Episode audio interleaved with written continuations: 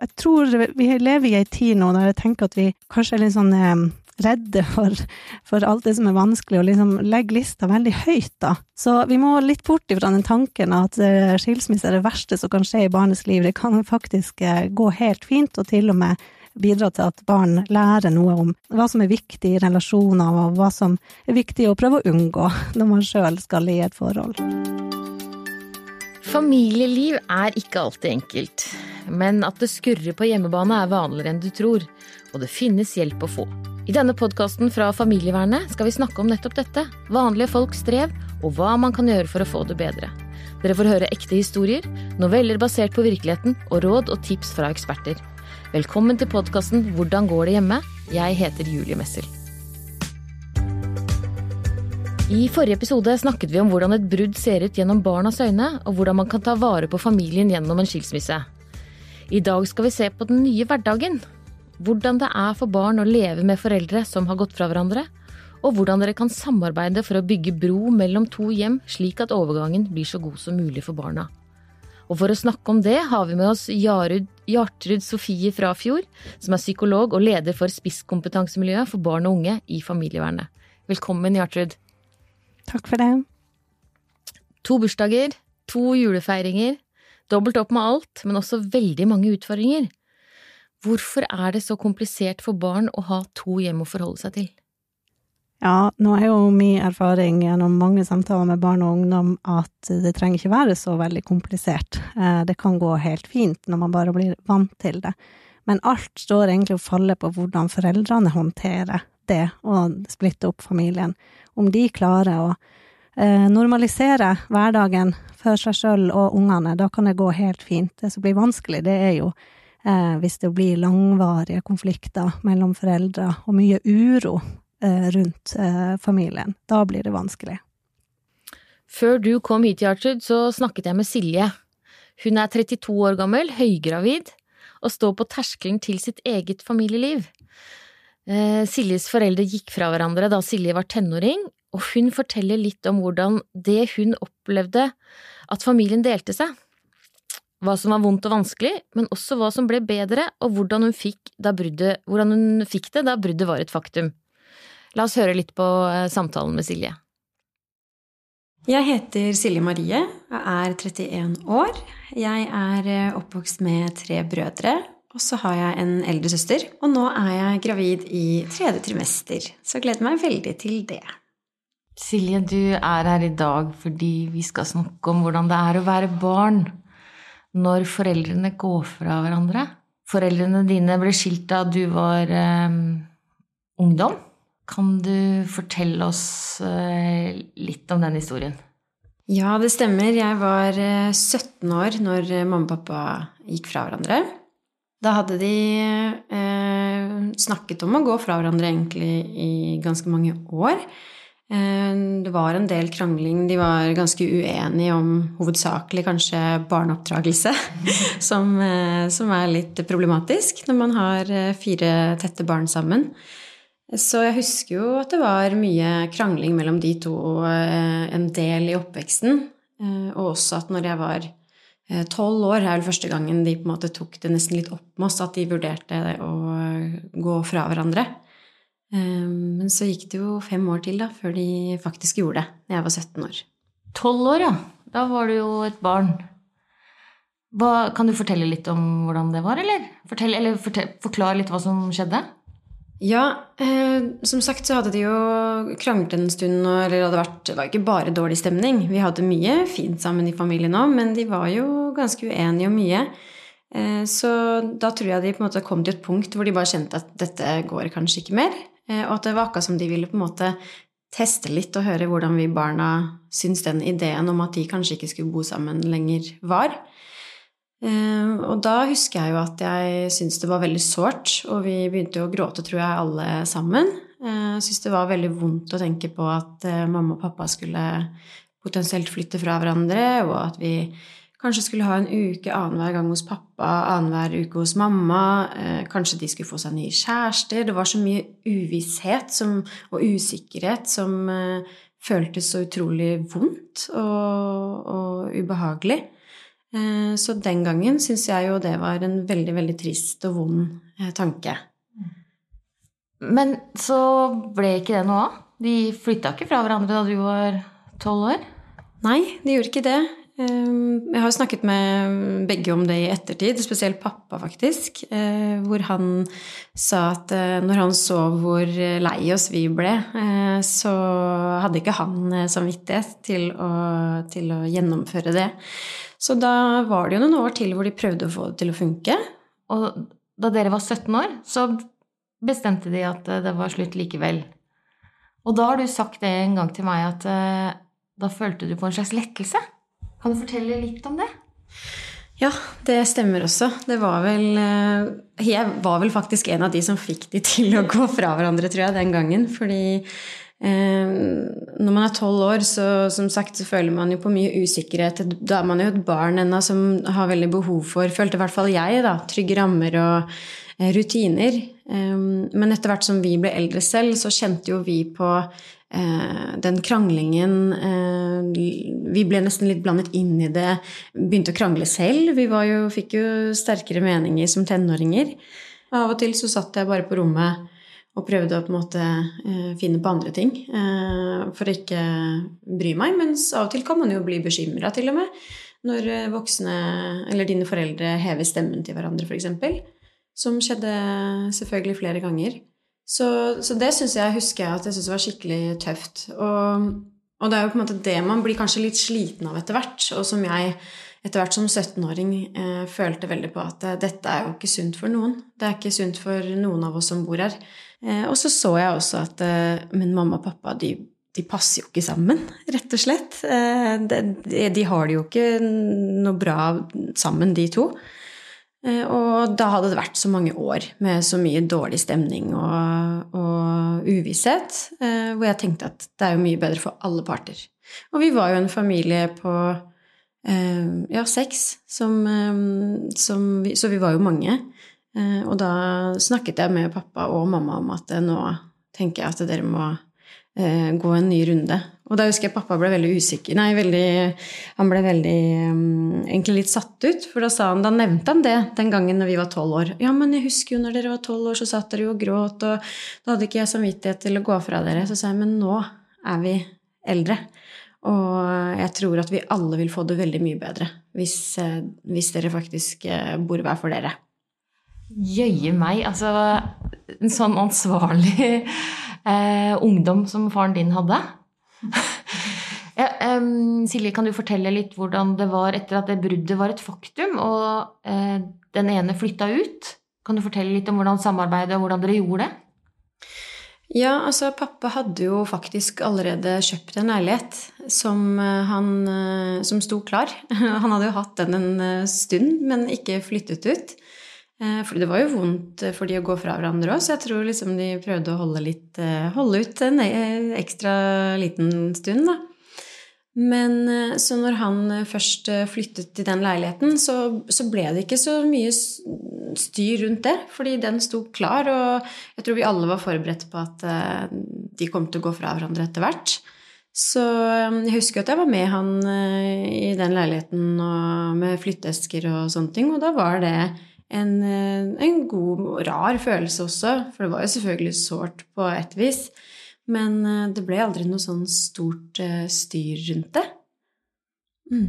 Hvordan, og hvordan, hvordan var samværet, da? Altså, dere bodde hos uh, moren din, eller? Stemmer. Vi, vi, bodde da videre hos uh, mamma. Um, bodde egentlig aldri hos pappa, men han kom jo ganske ofte på besøk. Eh, han, som sagt, så det veldig, ble det veldig god stemning nesten med en gang. Så, så, han kom på besøk gjerne i helgene, og, og, vi var jo på besøk hos han også. Men vi hadde hvert vårt rom hos mamma, så det var der vi sov eh, og bodde i hverdagen, da. Eh, det høres ut som at du har et veldig sånn sunt og reflektert forhold til historien din. Det er jo veldig mange som har vokst opp med skilte foreldre ikke alle kan snakke om det på den liksom rolige og beherska og avklarte måten som du kan. For det har jo helt sikkert vært vanskelig også. Når, eh, hvordan lærte du deg, eller hvordan kom du dit at du kunne snakke om det på denne måten? Jeg tror eh, grunnen til at jeg kan det, er fordi familien vår eh, fikk det veldig mye bedre etter at eh, mamma og pappa gikk fra hverandre. Da, da blei det veldig mye mer letta stemning, både hjemme hos mamma og hos pappa. Og pappa har Vi har jo vært mest hos mamma etter det. Eh, det har vært det naturlige hjemmet, for det er der vi bodde. Eh, men pappa og mamma og vi alle har feiret eh, bursdager sammen, hver eneste julaften sammen, eh, og søndagsmiddager og alt som er å feire og hyggelige sammenkomster, har vi gjort sammen med familien. Og det har aldri vært et problem. Så vi har klart å Familieforholdet har egentlig bare blitt sterkere og bedre. Mye mindre krangling mellom alle. Så, så jeg tror det er grunnen til at jeg har sett at at to eh, foreldre kan gå fra hverandre, rett og slett kan skape et mye bedre forhold for alle i en familie. Um, Silje Marie, du er jo høygravid. Jeg får så lyst til å spørre deg om, når du tenker tilbake på disse tingene Det er jo en voksens uh, ord på hvordan det var å være barn og, og bli konfrontert med dette, og hvordan det var å være eller, uh, ungdom og bli konfrontert med dette. Hva tenker du liksom, Hvordan påvirker din historie deg når du nå går inn i en ny tid der du skal lage din egen lille familie? Det er jo klart at jeg har gjort meg mange tanker og reflektert mye rundt eh, barndommen. Jeg eh, snakket også mye med min samboer om det. Eh, hvor vi på en måte har prøvd å snakke spesielt om, om dette med oppdragelse, og hvordan vi ser på det. For jeg så jo selv at det var mye av det som kanskje var det som skapte litt eh, problemer for mamma og pappa. Eh, så, så, vi har reflektert mye over hva vi ønsker å ta med oss nå inn i vår lille familie, og hva vi ikke ønsker å ha med oss, og ser jo hvor viktig kommunikasjon hele tiden er. Allerede nå før vi får den lille jenta vår til, ja, den, til hun er her, og at man hele tiden må kommunisere sammen, da. Ja, Gjartrud. Eh, Siljes historie er det nok mange som kjenner seg igjen i. Mm. For uh, dette er vel en uh, virkelighet som uh, de du samarbeider med, kjenner igjen, eller? Ja, absolutt. Jeg syns det er så viktig og så fint å få fram disse historiene, for de er ikke så sjeldne heller. Det er faktisk veldig mange barn og ungdom som får det like bra. og og til og med enda bedre etter et brudd. Og jeg synes det er så fint å høre Silje også hvordan hun har lært noe av det og vokst på det. Og det er jo sånn med kriser og eh, vanskeligheter i livet at eh, hvis vi bare klarer å håndtere det og har noen som står sammen med i det, og ikke være alene i det, så, så kan vi vokse på det og lære av det. Så vi må litt bort ifra den tanken at eh, skilsmisse er det verste som kan skje i barnets liv. Det kan faktisk eh, gå helt fint, og til og med bidra til at barn lærer noe om, om eh, hvordan, hva som er viktig i relasjoner, og hva som er viktig å prøve å unngå når man sjøl skal i et forhold. Ja, fordi vi har jo snakka om det tidligere i denne podkasten også, at man kan jo ikke skånes for alt som er vanskelig i livet. Og det, det handler vel om å bygge mennesker som tåler eh, motstand? Ja, nettopp. Jeg tror vi lever i ei tid nå der jeg tenker at vi, vi kanskje er litt sånn eh, redde for, for, alt det som er vanskelig, og liksom legge lista veldig høyt, da. Men jeg tror faktisk vi gjør barna våre en bjørnetjeneste hvis vi tenker at de eh, hele tiden at alt skal gå på skinner. Eh, fordi eh, et godt liv handler vel så mye også om å tåle at det noen ganger er vanskelig, å klare å håndtere det og snakke om det og sø søke støtte når vi trenger det. Jeg får så lyst til å spørre deg, Silje forteller at uh, hun, foreldrene hennes snakka med henne uh, om at de hadde det vanskelig, og, mm. faren, og faren testa ut om, uh, om, brudd var liksom noe barna tenkte var best. Hva tenker du om å involvere barna på den måten? Det tenker jeg er veldig klokt. Å snakke med barna, ta de på alvor, lytte til de, involvere de på en sånn god måte som det høres ut som denne pappaen gjorde, med å høre hva er deres tanker om det her. Dette er lov å snakke om, selv om det er uh, ubehagelig eller vanskelig, så kan vi snakke om det. Uh, det det ikke høres ut som denne pappaen gjorde, og det, det man må unngå, det er jo å involvere de på en måte der man deler av sine negative følelser og oppfatninger av den andre forelderen. Det er det man må unngå, uh, ikke, ikke, det å snakke om at ting er vanskelig, og spørre barna hva, hva tenker dere om det, hva, hva føler dere rundt det her? Jeg vil gjerne snakke litt mer om det. Hvordan, hvordan, gjør man det så enkelt som mulig, selv om det ikke skal være så enkelt som mulig, men likevel, hvordan gjør man det best mulig for at barna kan vokse og bli trygge også når de opplever, opplever dette, da? Jeg tenker det aller viktigste for eh, barn er å oppleve at foreldrene mine håndterer det som er vanskelig. Altså trenger vi ikke å late som om alt er greit og alt er bra og går, alt er fint. Det er faktisk mye læring å vise barn at eh, akkurat nå er ting vanskelig, men jeg håndterer det. Sånn at i alt vi kommuniserer til barn, så er det det som jeg tenker er det viktigste, å signalisere at også det som er vanskelig, det kan man finne løsninger på, eller man kan lære seg å leve med det. For da gir vi barn håp, og da gir vi barn tro på at eh, det går an å mestre og, og tåle det som er vanskelig. Da gjør vi dem sterkere. Så, så lenge det ligger under, så kan vi egentlig snakke med barn om alt. Silje snakket, snakket også om uh, usikkerhet og uvisshet, at det, at det, er utrygt å ikke vite hva som skjer.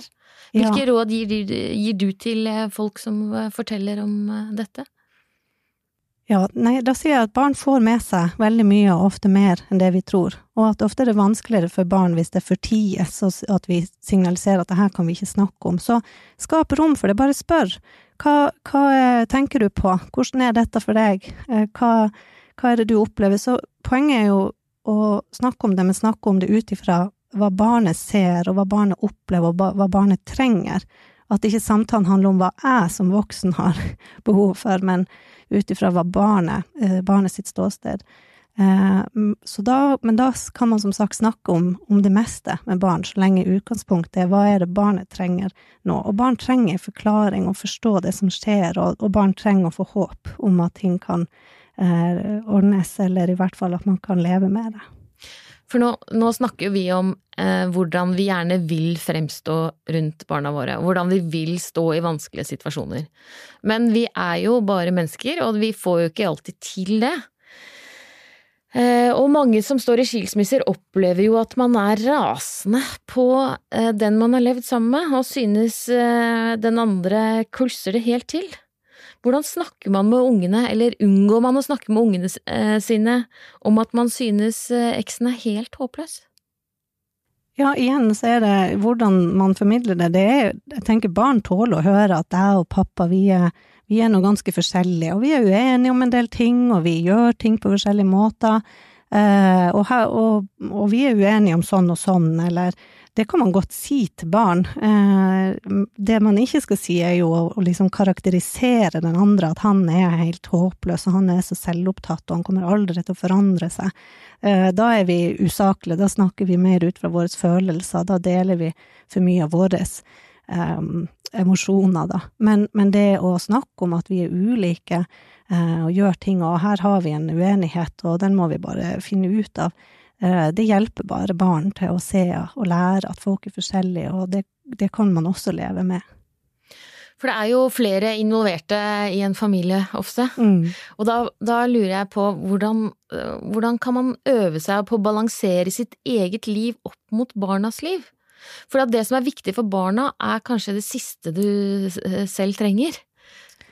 Ja, og der syns jeg akkurat det ordet du brukte, det med balanse, er kjempeviktig. Det er krevende å være forelder, og vi gjør den jobben best når vi har det bra med oss sjøl. Så derfor så er det viktig at vi også ivaretar oss sjøl, og det er viktig for barna våre å se at vi tar vare på oss sjøl, for hvis ikke så begynner barn ofte å bekymre seg, og de kan fort gå inn i en omsorgsrolle overfor oss hvis de ser at vi eh, ikke har det bra.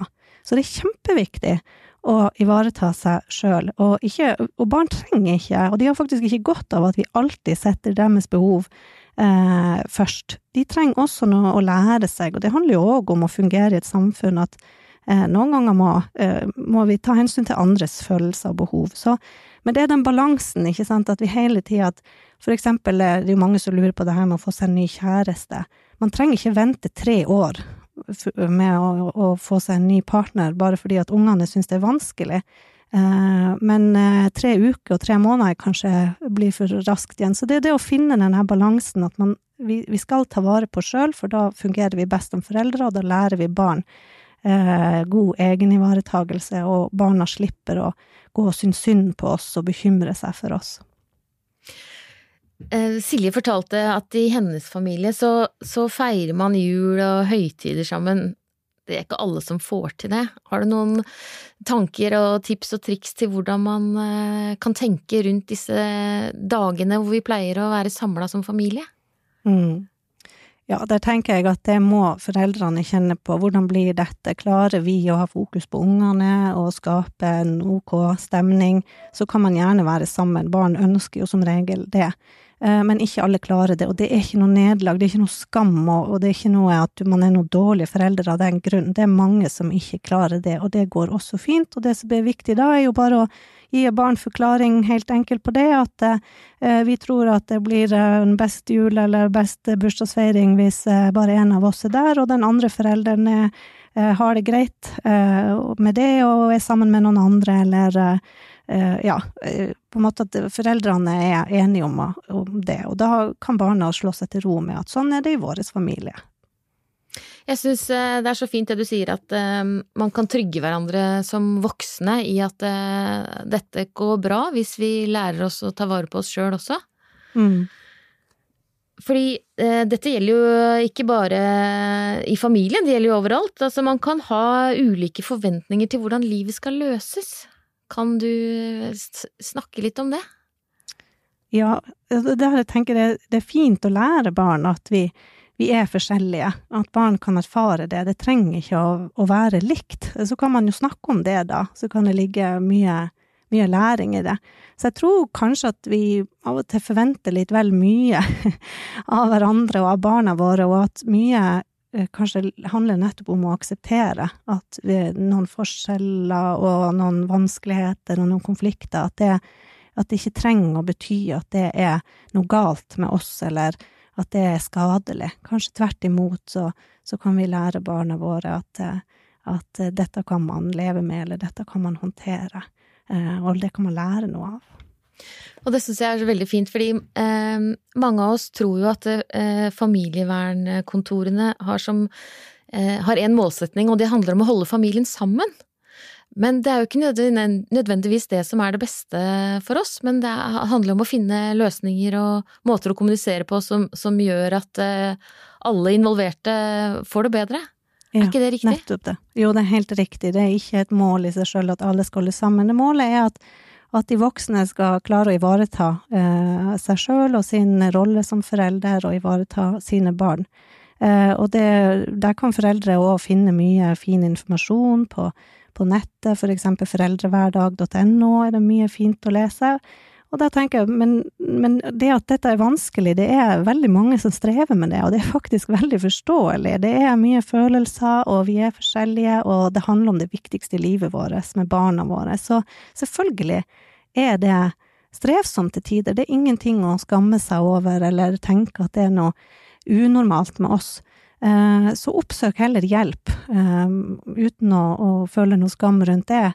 Eh, og da er vi der i familievernet, og vårt mål er egentlig bare at foreldrene skal bli sterkere i å stå i de vanskelighetene og håndtere de på en, en ok måte, sånn at hverdagen kan normaliseres for familien.